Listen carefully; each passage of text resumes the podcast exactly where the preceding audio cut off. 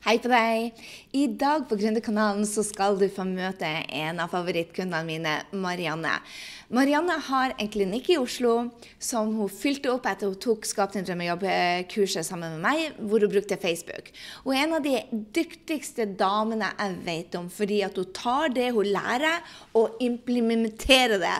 Og det bare imponerer meg hver eneste gang. Og i tillegg så er hun en av de varmeste, snilleste, søteste eh, hvis, du, hvis, du, vil ha en rollemodell på flink pike, så er det denne dama. Allikevel så tar hun businessen sin til neste høyder. Og ja, for meg så er hun en av de ikonene som ser Du vet den der filmen med Sarah Jessica Parker som heter How Does She um, Do It All? Det er sånn jeg føler med Marianne. Men ekstremt dyktig, snill venninne, eh, kollega. Hun er i mastermind med nå, og jeg vil bare at du skal bli inspirert ut av hvordan hun tar disse læringene hun får. for at jeg og Marianne har krasja mer enn én en gang, for å si det sånn. Og hun lærer meg noe hver eneste gang vi er i møte. Så byr hun på seg sjøl og vil at jeg skal vokse som hennes mentor, som hennes venninne. Og det inspirerer meg når du er så raus at du tør å si sannheten sånn som du ser den, og er villig til å lytte til det, andre har å si. Så La deg inspirere av reisene hennes fra eh, benken til eh, online business. La deg inspirere hvordan hun bruker eh, hvordan hun er sammen med Power Friends. Eh, ja, jeg, jeg, du blir å elske denne dama. Elske denne dama. Så jeg er så glad for å ha en av mine aller beste kunder og venninner med på Gründerkanalen, sånn at du får bli inspirert av henne. For kan hun gjøre det, så vet jeg også at du kan det. Så håper jeg det at du gir oss en tilbakemelding om hva du syns vi er tilbake med intervjuer som du kanskje har oppdaga. Og hvis du vil ha flere av disse intervjuene, så gi oss en tilbakemelding om det. Og ikke minst kom med forslag til hvem du vil høre på Gründerkanalen neste gang.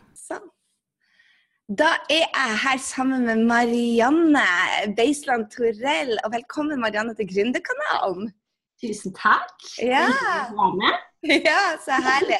Jeg har tenkt å ha deg med en stund, for vi har jo kjent hverandre en hel evighet, føles det som. Ja, vet du, jeg satt og tenkte på det. På, var det 2015, tror jeg, vi begynte å jobbe sammen? Ja, det var nok det. Ja. Det er noen år siden. Ja. Så fortell meg Det føles enda lenger ut. Ja, det gjør det. Jeg føler som jeg har kjent deg hele livet. Det er noen venner som du bare har sånn um, sånn eh, connection med, så du tenker deg at de har vært der hele livet, og plutselig så bare Nei, det var to år. Det var litt sånn overraskende. Ja. Men du, Marianne, du, fortell litt. Eh, hva gjør du for noe, og hvem er du, og hvor har du hytte? jeg har hytte rett ved deg! det var et av mine store mål i fjor, eh, og som jeg klarte å lansere fordi jeg gjorde om businessen min. Mm. Eh, det er jeg kjempefornøyd med. Jeg er jo i utgangspunktet så er jeg naprapat og har jobba på en klinikk og drevet en klinikk i mange år. Og så har jeg alltid hatt et ønske om å hjelpe mange. Eh, og hjelpe de å få en bedre hverdag. Jeg vet at jeg sitter inne med så mye kunnskap som kan hjelpe dem til å få en bedre hverdag. Så derfor, så ved stor hjelp av deg, da, så hopper jeg i det og gikk i online-bransjen også i fjor. Og har, det har vært en kjempeeventyr og en kjempereise. Nå hjelper jeg jo spesielt mammaer, da. Er det jeg brenner mest for. Det å ha en mammakropp som fungerer. Så du har en klinikk i Oslo? Mm. Ja. Og hva hjelper du eh, drømmekundene dine med der? Jeg jobber, eh, det jeg jobber mest med der, er jo smerter og plager som de har. Og det å behandle vonde rygger og vonde skuldre og hodepiner og sånne ting, er jo mye av det vi, jeg begynte med. Og så så jeg at de plagene de kommer tilbake igjen hele tiden. Og så sånn, Men hvorfor komme tilbake? Hvorfor, liksom ikke, hvorfor holder dere dere ikke bra? Og så etter at jeg da ble mamma selv og begynte å grave meg ned i spesielt kvinnekroppen, så så jeg mye sammenhenger med hvordan kroppen funker innvendig, på hvordan ting slår ut utvendig med symptomene de får da. Så da har jeg gått mer og mer over på det å trene de opp med trene opp bekken og mage og lære de rett og slett å bruke kroppen sin på nytt. Så, så, du gikk altså fra egentlig å ha kontorplager og litt sånn alt mulig plager, til nå å fokusere på eh, tisseproblemer? Ja. Tisseproblemer, mageproblemer og ja. smertene som kommer av det òg. Ja, for, det, for det, jeg syns du har vært så utrolig flink til å snakke egentlig om et, et tabubelagt emne om at etter, uh, etter vi har født, så, så, plutselig kan vi ha lekkasjer. Uh, uh, søte jenter som er selv med veldig opptatt av å se fint på håret, og så plutselig så tisser du på deg som en gammel kjerring. Så, så, så det er jo et veldig tabubelagt emne mellom oss kvinner. Det er ikke noe som går rundt og Vi snakker mer om utroskap, for å si det sånn, enn at vi tisser på oss. Ja, og det er jo kjempesynd, for det er et kjempestort problem. Og eh, Senest i dag så snakka jeg om det med å ha prolaps. Og det er liksom 50% av oss får framfall eller prolaps. Det er liksom ikke, jeg synes ikke det er ikke noe som er tabu. Det er noe som alle har. Alle tisser på seg når de er gravide. Og veldig veldig, veldig mange tisser på seg etterpå også. Ja. Og det er jo noe som både er når du rett etter du har født. Og det er ikke noe som forsvinner heller når du blir eldre. For det kommer jo bare tilbake igjen. Hvis du på en måte er så heldig at du har en pause, da, så kommer det jo gjerne tilbake igjen. Man gjør noe med det. det er bare å lære seg det å få det der, kroppen til å funke, da. Det er så viktig. Så Hva inspirerte deg til å gå bort fra, fra massasjebenken, egentlig? Kaller dere det massasjebenken i naprapatbusinessen òg? Nei. Benken. Ja. Benken, ja. Hva, hva, hva, hva, inspirerte deg til å gå bort fra, fra benken og timene med kundene dine til nå å jobbe mye mer på nett?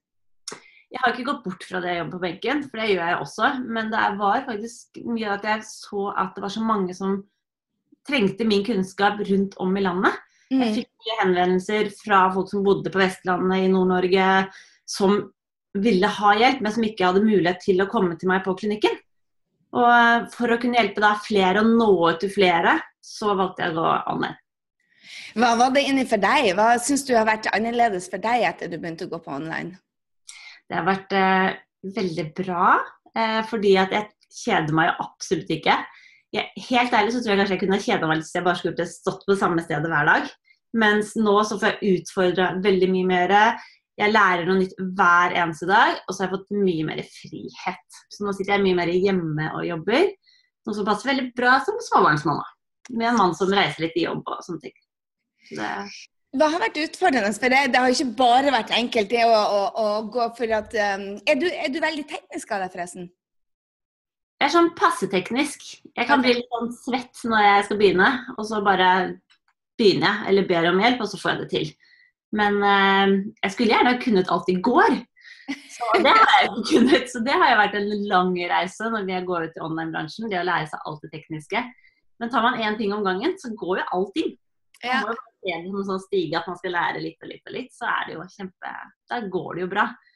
Så hva har det vært, eh, for at, eh, Da er ikke den tekniske biten den som har vært den største utfordringa di. Hva har vært den største utfordringa di med den omlegginga? For det er jo, du, du har jo en jobb som naprapat hvor du jobber stort sett med hendene dine og kunnskapen din om kropp. Og, eh, og så går du inn i en helt ny bransje hvor det er mye mer fokus på markedsføring og kommunikasjon. Altså Online-bransjen tror mange er, er 80% teknisk, men den er jo 90 kommunikasjons skills. Så, så, hvordan har du opplevd den, den, biten, den overgangen der fra å være naprapat og jobbe med hendene, til nå mye større grad jobbe med kommunikasjon og for ja.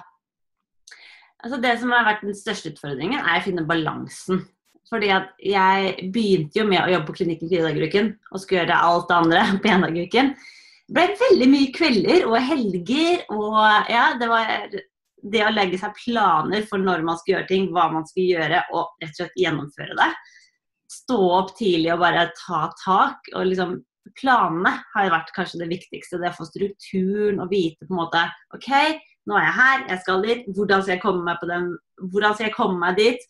Hva må til for å komme meg dit? Hvem trenger jeg hjelp av? Hva kan jeg gjøre selv? Det å gi bort arbeid det å liksom lære opp andre til hvordan det her hodet funker. For det skjønner ikke det. er ingen som sitter inni hodet mitt og leser tankene.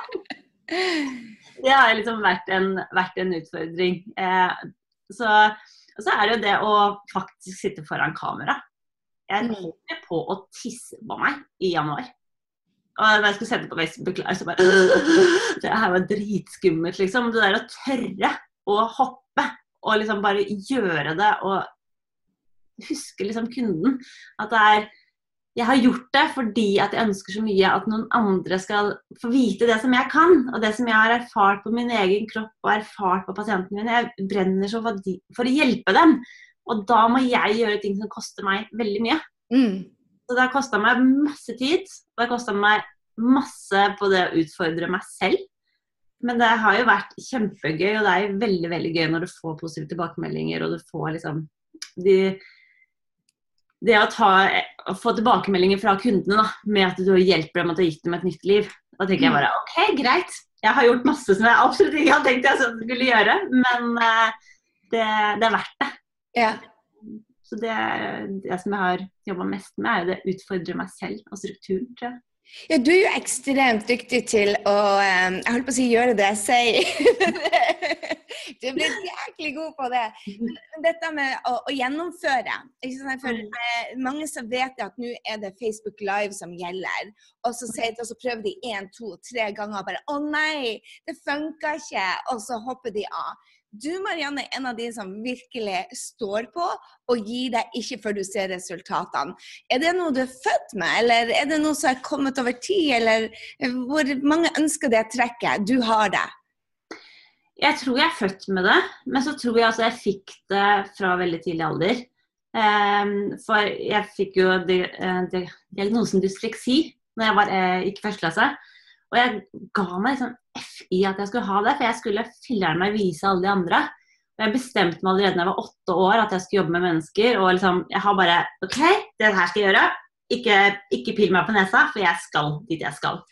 Og det, Sånn har jeg alltid egentlig vært. Mm. Sånn veldig målretta og bestemt. Så kan det være litt vanskelig å leve med, da, noen ganger. For jeg har veldig meninger eh, på hva jeg vil og hva jeg ønsker. Så det tror jeg bare er en men jeg, får, har også fått Når jeg får, når jeg får til ting, mm. så får jeg, en, får en sånn ekstra sånn Yes! Dette, jeg klarte dette her! Da kan jeg gjøre enda mer! Det er liksom bare til å fortsette. Og, så, så, så, så, så bare girer jeg meg bare opp. Da er det gøy å nå de målene. Men også en ting som jeg har lært av deg, det å evaluere. Og se tilbake på at, du, at det faktisk funker. At det faktisk funker å legge ned tid, at det faktisk funker å Gå på Facebook Live, da, selv om det er skummelt. Mm. Du ser resultatene. Men da må du se deg litt tilbake igjen og se hvordan var det, hva, hvor er jeg nå, og hva har jeg gjort imellom der. Mm. Det har også vært sånn kjempe Så det er stor takk til deg. Takk. Men en av de tingene som, eh, som jeg eh, syns er så inspirerende med å jobbe med deg, det er det at når du, når du, setter et mål, så er du, er du bare OK, hvordan, hvordan kommer jeg dit? Og så legger du den der planen din, og så stikker du til den. Og det mm. er, det er ikke mange som gjør, Marianne, så det er jo bare helt eh, fantastisk at du så, har den pågangsmoten. Og det er inspirerende å høre det, at det er nedtur som inspirerte deg til å bli sånn. Fordi at mm. mange tenker det at å, Marianne er kanskje bare født sånn. Nei, det var en helsikes nedtur. En nedtur i hun var åtte år som gjorde sånn at, at man ble sånn. Så, så, jeg tror at det er de, de aller største um, ja, menneskelige verdier og traits, hva er det for noe? Den pågangsmotet kommer fra fra nedturer. Og mange glemmer det når vi står i de nedturene, at de forbanner de nedturene sine, istedenfor å være takknemlige for det. Mm. Så, hvilke nedturer Jeg lærer noe hver gang av alle nedturer. Altså Hver gang jeg på en mm. måte har møtt noen ting, spesielt nå som jeg har gått mot online-bransjen, så er du møter jo mye sånn der, litt sånn slag i trynet her og slag i trynet der. Og det er også blitt mye flinkere til å si OK, jeg skal lære noe av det her òg. Og så finner jeg den tingen jeg skal lære ut av det. Og det også har vært en sånn kjempelæringsprosess å lære av når du føler at du egentlig blir slått til.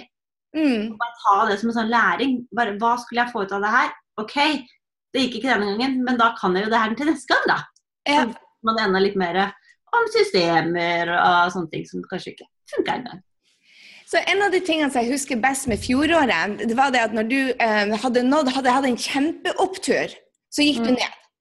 Mm. Ikke sant? Og det er mange som ikke forstår det, at etter en opptur så kommer det alltid nedtur. Hvordan snudde du den nedturen til å bli For, for det gikk ikke lang tid før du var på oppadstigende. Hvordan er det du mentalt jobba for å ja, nå gjorde en superlansering, jeg har fått hjulpet flere hundre mennesker.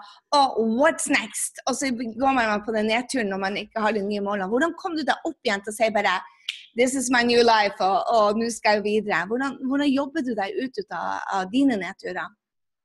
Så jeg tror Det som jeg har jobbet mest med, sånn spesielt etter førstelanseringen, så var jeg utrolig utrolig sliten. Eh, for jeg hadde jobba 24 timer i døgnet hele tiden. Og så skulle jeg liksom, jeg skulle være supermamma i tillegg. Og den der flink på klinikken. ikke sant? Så det ble litt mye. Så det som jeg har vært flink på nå, er å prøve, fokusere på det å være av og på. Å være litt mer bestemt på at OK, nå f.eks. når jeg er på hytta, nå er du på hytta, og der jobber jeg ikke. Så nå er du helt borte. Og så er det helt greit at noen får en litt kort mail, at de måtte vente litt. Liksom, det å ta seg litt tid til seg selv. Mm. Og det er jo mye av det som jeg lærte også når jeg fikk liksom, hadde hatt en opptur og nedtur, er at jeg må ikke glemme meg selv oppi det hele. Mm. Det er veldig lett å huske kundene, det er veldig lett å huske, det, huske barna og alle andre. Men så glemmer man seg selv, da, fordi at jeg skulle jo bare jobbe. Mm. Det var jo kanskje det som jeg har gjort at jeg har klart å komme meg opp, er at jeg sier at nå er jeg på jobb, nå er jeg ikke på jobb. Og så skjærer jo det seg ganske ofte. Men at man klarer med litt bedre samvittighet å si OK, jeg fikk ikke gjort det der. Men da kommer det en ny dag i morgen, og så bare flytter jeg arbeidsoppgaven over. Du er også veldig god til å øve deg. Jeg hører jo det nå når du snakker det, at du sier det at sånn skal det være. Men det skjer ikke ofte. Men du pisker deg ikke sjøl lenger. Nei.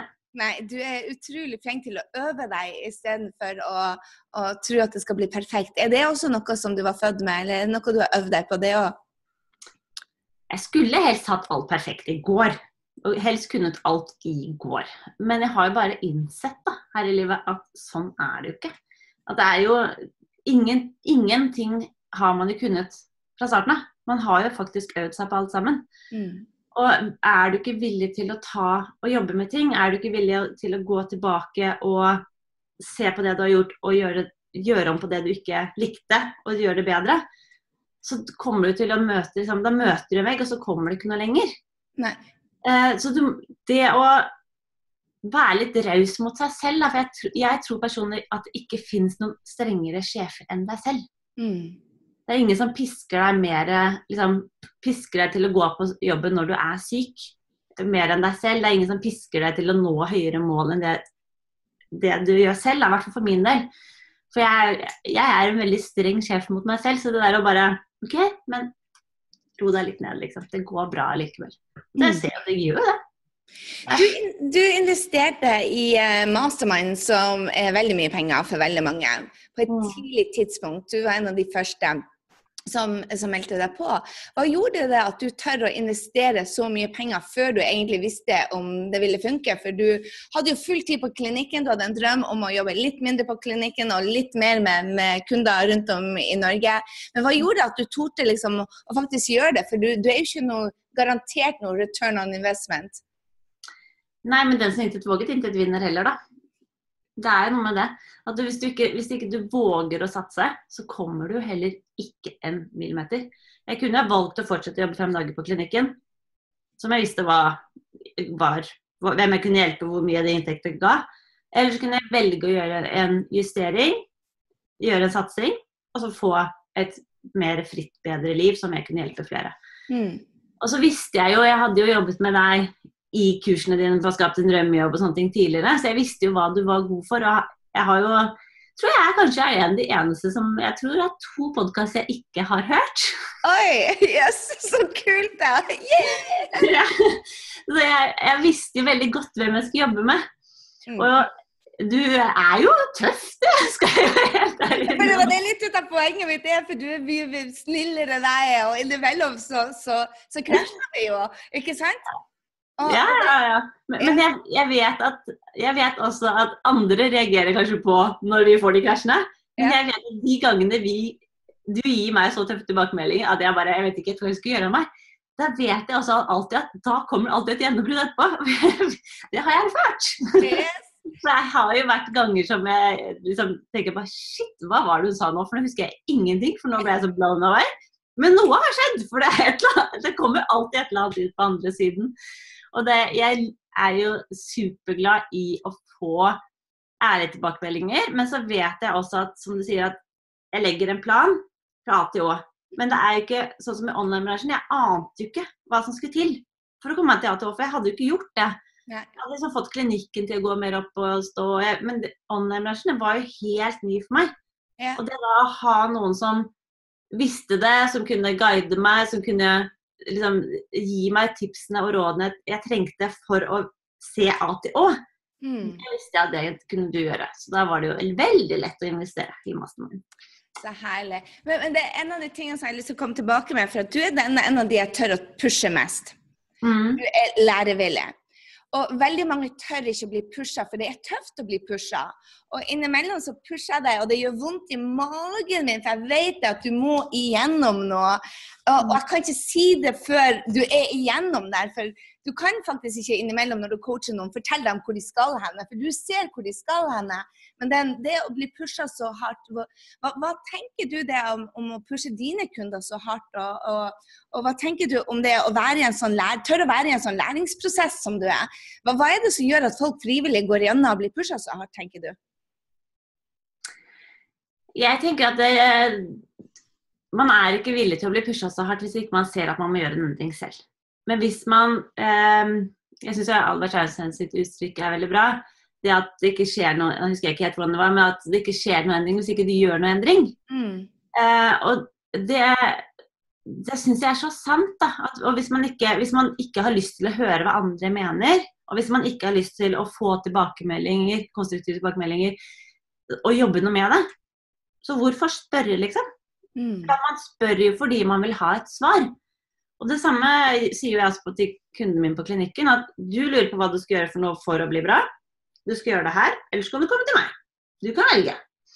Og Da syns jeg at det er mye bedre at man kan gjøre noe selv, enn at ja, de må komme tilbake til meg, og så skal jeg gjøre det. Og Sånn er det jo litt med de rådene som du også kommer med. Altså, hvis, jeg, hvis jeg vil komme et sted, så må jeg tørre å stille spørsmål, og jeg må tørre å få tilbakemeldingen er ikke alt jeg er enig men Godt det, og det syns jeg er herlig å, å, jobbe med deg. Du har dine egne meninger, så sorterer du ut det du vil ha, og det du driter i. Og uten at det er noe hard feeling, så er jeg bare sånn Dette tar jeg med meg, resten driter jeg i, og så er du ferdig med det. Og det gjør jo det at den prosessen din har jo gått ekstremt fort, for du har jo hatt dronningresultater dette året. Først fyller du opp hele klinikken, og så hjelper du hundrevis av kunder på nett. Og det, det, det får man ikke uten å tørre én å investere, to være i læring. Ja. Og det er det jeg syns har vært så imponerende med deg, det er det at du tør å være i den læringa. For det har vært en bratt læringskurve, vil jeg si. Ja, det har vært en bratt læringskurve, og det har også faktisk vært litt skummelt. Eh, det å se at ting skjer så fort, er også litt skummelt. Bare shit, hva i huleste skjer nå? Og hvor hva, hva liksom Brems, jeg henger jo ikke med! Eh, så det har jo også vært en veldig læring, syns jeg. Det å faktisk tørre å være med på veksten har jo også vært eh, nesten litt sånn ja, litt skummelt. Og man har tatt seg litt vann over hodet. Men eh, man ser jo det at det ikke er det. Men det er jo, det er jo mye mer trygt å bare gå på det man alltid kjenner. Ikke sant? Men det gjør jo ikke at man kommer noe sted. En av de tingene som jeg er mest stolt ut av um, i det året som var, var jo det at, dere, at vi i Mastermann-gjengen er blitt så enormt knytta og fått en sånn familiefølelse. Um, mm. hvordan, du, hvordan, opplever du å ha ikke bare Masemann, men veldig nære power friends som du, du har i prosessen som gründer? Jeg syns jo det er uh, alfa og omega. Um, og det, det, begynte jeg jo å se allerede etter kursene dine, og enda mer nå i Mastermind. Og det å ha kollegaer som skjønner deg, og som snakker det, det samme språket ditt, og som du kanskje ikke går helt opp av, men som du kan spørre, og du kan få tilbakemeldinger, du kan hjelpe hverandre, du kan Sånn som Helene Ragnhild altså kan ringe og bare 'Jeg er så sliten, jeg vet ikke hva jeg skal gjøre.' Ja, men tenk sånn her. OK, greit. Jeg er på. Det liksom, um, det å ha liksom gode power friends som man både som kan spørre om råd, få til ærlige tilbakemeldinger på, noen du kan glede, drikke champagne med, og noen du kan grine på skulderen til, det er jo kjempeviktig i en sånn prosess. Mm. Jeg syns jentene i Massmenn er bare gull verdt. Mm. Og det setter kjempestor pris på når vi er på de samlingene og sånne ting. Jeg tror jeg er den som griner hver gang. Det er jo veldig mye Jeg har rekorden. Jeg griner mest. okay, Jeg griner alltid først, da. yes, du griner først. Men det er jo fordi at det er så mye som skjer inni deg. Og det tror jeg, ikke tror jeg faktisk ingen andre kan skjønne. Jeg tror ingen andre kan skjønne hvor sliten man kan bli, og hvor glad man kan bli, og hvor fort det kan svinge. Mm. Hvis man ikke har vært i det selv. Da. Og det å da ha power friends er superviktig. Mm. Du lærer så mye av, uh, av de andre. Og det der å ha liksom raushet og hjelpe hverandre og støtte hverandre og Så lærer man jo kjempemye av å følge, følge hverandre og faktisk hjelpe hverandre også. Ja, jeg hadde fire samtaler i går én til én med, med Mastermind-gjengen. Og jeg, jeg, det var så, det var så bare, Hvorfor har jeg disse én-til-én-timene? For vi snakker om akkurat det samme fire ganger på rad. Så alle tror at det er så sabla bare Å nei, jeg er så unik! Nei, det er de samme headerne, det er de samme problemstillingene, det er de samme lanseringsplanene, det er de samme utfordringene med drømmekunden, det er de samme opt-in. Det, det, er akkurat det samme hver eneste gang. Og, og det gjelder jo også på privaten. Vi tror mm. vi er så utrolig unike, men alle får utfordringer på hjemmefronten. Alle får utfordringer med ungene sine. Så, så vi, vi, har en tendens til å tro at jeg er alene. Dette er den største utfordringen. Jeg er bare som mister en kollega, eller jeg er bare som går gjennom en skilsmisse, eller bare jeg som blir syk. Og så viser det seg det at vi er bare mennesker, og, og vi er så utrolig like. Ja, og Det, det syns jeg er veldig veldig spennende å se også. Hvor, hvor utrolig like vi er. For når man begynner liksom å åpne seg opp og bli kjent med hverandre, så bare Å ja, nei, du også tenker sånn. Ja, du har jo også sånn. Ja, ja, ja. og, og, det tar litt tid før man tør å vise de sidene ut av seg. ikke sant? Mm. Så, så, jeg tror jo det at, eh, at, når man tør eh, Nå er det jo veldig inn i vinden med Opera og metoo-kampanjen og Brené Brown og det å være sårbar. Men, men, det å tørre å være sårbar på nettet er jo, det er jo en, nesten en forutsetning for å slå igjennom nå. Eh, at man mm. tør det. Men det gjør også at du stiller deg litt til hugg. Har du opplevd det at folk ikke er så glad i Marianne for at hun har meninger, eller er du snill og grei og alle er happy med deg?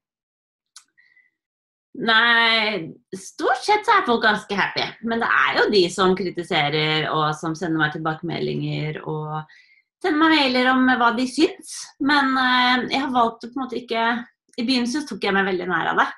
Men nå prøver jeg liksom å si OK, det syns du, men jeg står fortsatt for det jeg står for. Og det var kanskje ikke deg jeg skulle hjelpe akkurat nå. Altså Hvis du ikke har troa på det som, kan, det som, jeg mener er bra, så er det kanskje ikke deg jeg skal hjelpe. For jeg vet at det funker for Hege og Kari og Lise og alle de. Så det er liksom det å fokusere heller på de som du kan hjelpe, da. Men det er jo Det merker man jo når man blir mer synlig. Altså man eh, får jo folk som ikke er enig med deg, eller folk som er sjalu på deg, eller som Ja, jeg skjønner ikke helt hvorfor de gidder, jeg, da. Nei. Nei. Altså, du, du, du, tok deg nær ut av det i begynnelsen. Mm, veldig. Hva gjorde du for å komme over det? For det er jo den største redselen mine kunder har for å gå online og tørre å vise seg på Facebook, eller tørre å vise seg, eller tørre å ha meninger. En, du må vise deg hvis du skal slå mm. igjennom. Og jeg tror at innen to-tre år så må du vises uansett hvilken som helst business du har. Men det å tørre å stå der og få den motstanden, det, det er det man er redd for. Rett og slett at noen ikke skal like deg. Jeg syns jo igjen da Power Friends var veldig viktig det å snakke med folk som har vært borti det selv, eh, de som kjenner deg, de som kjenner det du står for, mm. eh, og det å ha noen å på en måte si Æh, hva er det som skjer, liksom? Og så får du den backingen som du trenger. Da. Du får på en måte den Ja, men jeg er her. Noen som holder deg på skulderen og sier Men du har ikke gjort noe galt, du har ikke sagt noe feil. Og der igjen så er det det å ha noen som er litt i samme miljø, da, eh, mm. er kjempeviktig. Og eh, andre som ikke jobber med det, og kanskje mannfolk og sånne ting, tar, jeg føler at de tar seg ikke nær av det på samme måte. For vi jenter skal veldig ofte sånn please alle, alle sammen. Ja. Vi skal være så snille og så yndige, og vi skal bli likt av alle sammen. Men det er jo ikke sånn det er. Det er jo ingen som kan være 100% igjen med deg. Det er jo Samtidig tenker jeg at de, utfor, de negative tilbakemeldingene du får, lærer man jo noe av. Og så lærer man å bli sterkere på andre sider. Mm. Eh, ta til seg noe. Og så resten får man bare kaste. Men eh, det har jo vært rart å bli eh, få så mye ærlige tilbakemeldinger og bli gjenkjent så mye. Det merker man jo. Man tenker litt over det. Plutselig så er man jo ikke anonym lenger eh, når man eh, går ut på Facebook Live. Du blir gjenkjent på butikken. Hvordan, hvordan føles det da? Du kan ikke akkurat kjefte på ungene da lenger. ikke det at jeg tror du gjør det, men Jo da, det gjør jeg. Men når jeg gjør det, så tenker jeg det gjør jeg filleren med alle andre òg. Jeg tror ikke jeg er så unik. jeg ble tatt en gang på butikken. Det var i en bitte liten fjord uti der. Og så var det bare ei som bare 'Herre, du som er Gry Sinding.' Og da hadde jeg nettopp sagt til Helena 'Hvis du pinner ikke tier stille nå, så vet jeg hva jeg gjør med deg'. Og hun bare 'Herre, du som er Gry Sinding, du kan være skikkelig streng, altså'. Ja, men det kan vi jo. Ja. Men jeg tenker, vi er jo bare mennesker. Uansett så uansett hva vi jobber med, så er vi bare mennesker, og alle mennesker har sine ting. Alle mennesker blir sinte på barna sine, og frustrerte og oppgitte og lei seg og alt det der. Og alle har dårlige dager. Så vi er jo ikke noe annet enn alle andre. Mm. Så ja, man, jeg tenker jo kanskje over det når jeg skal bade Ungene mine bader, og hver gang jeg skal spørre Å, nei. det er det kuleste akkurat nå. Men samtidig tenker jeg bare ja, ja, men jeg er jo bare en mamma, jeg òg. Ja. Og det at folk på en måte lurer på Du, jeg, du er noe kjent med deg. Så bare mm. mm. Facebook kanskje, eller? Men det er, eh, det er, prisen du må ta for å, um, for å nå ut. Mm. Og så nå er det jo, så ofte så har de jo sett det fordi at de syns noe av det du har snakket om er interessant. Ja. Så du får jo du får mye til liksom, Jeg tenker at de har sett deg fordi at du faktisk påvirker dem på noen måte. Da. Ja. Mm. Hva er dine store drømmer for, eh, for dette neste året som kommer? Mine store drømmer for det neste året er å kunne hjelpe enda flere kvinner. Eh, så det, og det å lære seg enda mer tek teknikker for hvordan jeg på en måte kan nå ut til dem, hvordan jeg kan bli flinkere til å hjelpe dem og støtte dem og heie på dem, mm. eh, er liksom mitt store mål. Eh, for det at det er også samtidig at når jeg får hjulpet de, så får de et bedre liv. Og når jeg får hjulpet de, så får jeg, jeg også mye mer frihet. Så det gir på en måte både meg og de eh, begge, de, begge, vi får noe ut av det. da. Så det å um, kanskje få litt mer tid til å bare være Marianne, det er mye mest det som er mitt fokus nå i 2018. Er å også klare å få enda bedre balanse mellom det å være gründer og drømme for andre, men også huske seg selv oppi det hele. Mm. Så um, det er jo Du har vært igjennom et byggeår nå, ikke sant. Det, det, det, det første året du går inn i online-bransjen er jo ikke noe annet enn et byggeår, så det har vært veldig mm. mye. Så det blir godt å se at Marianne faktisk får bygd på den nye hytta si og har tid til å være der. jo da, men vi er faktisk veldig flinke til å, å sette av tid mm. eh, til å bare være. Men eh, der er det veldig godt å stikke av og ha sånn liksom, Igjen, jeg elsker å planlegge, det veit jo. Det å planlegge liksom Når skal vi ha fri? Når skal vi jobbe? Og hvordan skal vi markere det? Og så for ungene så har jeg alltid etter en lansering så har vi alltid at vi går og spiser softis. Så de vet at mamma skal jobbe masse, men den fredagen da skal vi gå og spise softis. De drikker champagne, så jeg må finne på noe annet. men det er også litt for å gi meg litt sånn OK, nå vet de at jeg kommer til å være litt mer fjern, jeg kommer til å være mer på PC-en, svare mer på telefoner og sånne ting. Og så, men så vet jeg at det er en slutt på det, der mamma er mer mamma når hun henter oss. Du har inspirert meg igjen og igjen og igjen. Tusen, tusen takk, Marianne, fordi at du vil dele erfaringa di. Og eh, det er bare så mange mammaer som vil bli lekkasjefrie, og ikke minst føle seg sterk i kroppen sin igjen. Jeg tror det er det jeg har mm. lært mest med, når jeg jobber med deg, det er at, at vi mammaer vi, vi glemmer ofte oss sjøl. Så setter vi oss i bakerste rekke, og så kommer det jobb, unger, og plutselig så har vi en kropp som ikke fungerer, og så går det på selvtilliten, og det er ikke der vi skal være. Nei. Absolutt ikke. Det å ha, huske seg selv oppi det hele, det er kjempeviktig. Det, er, det viktigste av alt er faktisk at du som person funker. For funker ikke du, så funker jo ingenting annet heller. faktisk. Så jeg sender deg masse gode drømmekunder din vei. Og hvis du vil eh, se mer om Marianne og eh, det hun driver på med, så kan du gå inn da på grysynding.no slash 128.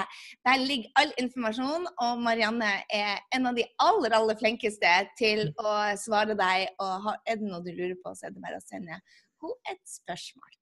Stor klem til deg, Marianne, og til deg som er på Gründerkanalen. Takk for at du var med denne gangen. Jeg håper du blir med neste gang igjen. Vi er tilbake igjen om ei uke. Hei så lenge.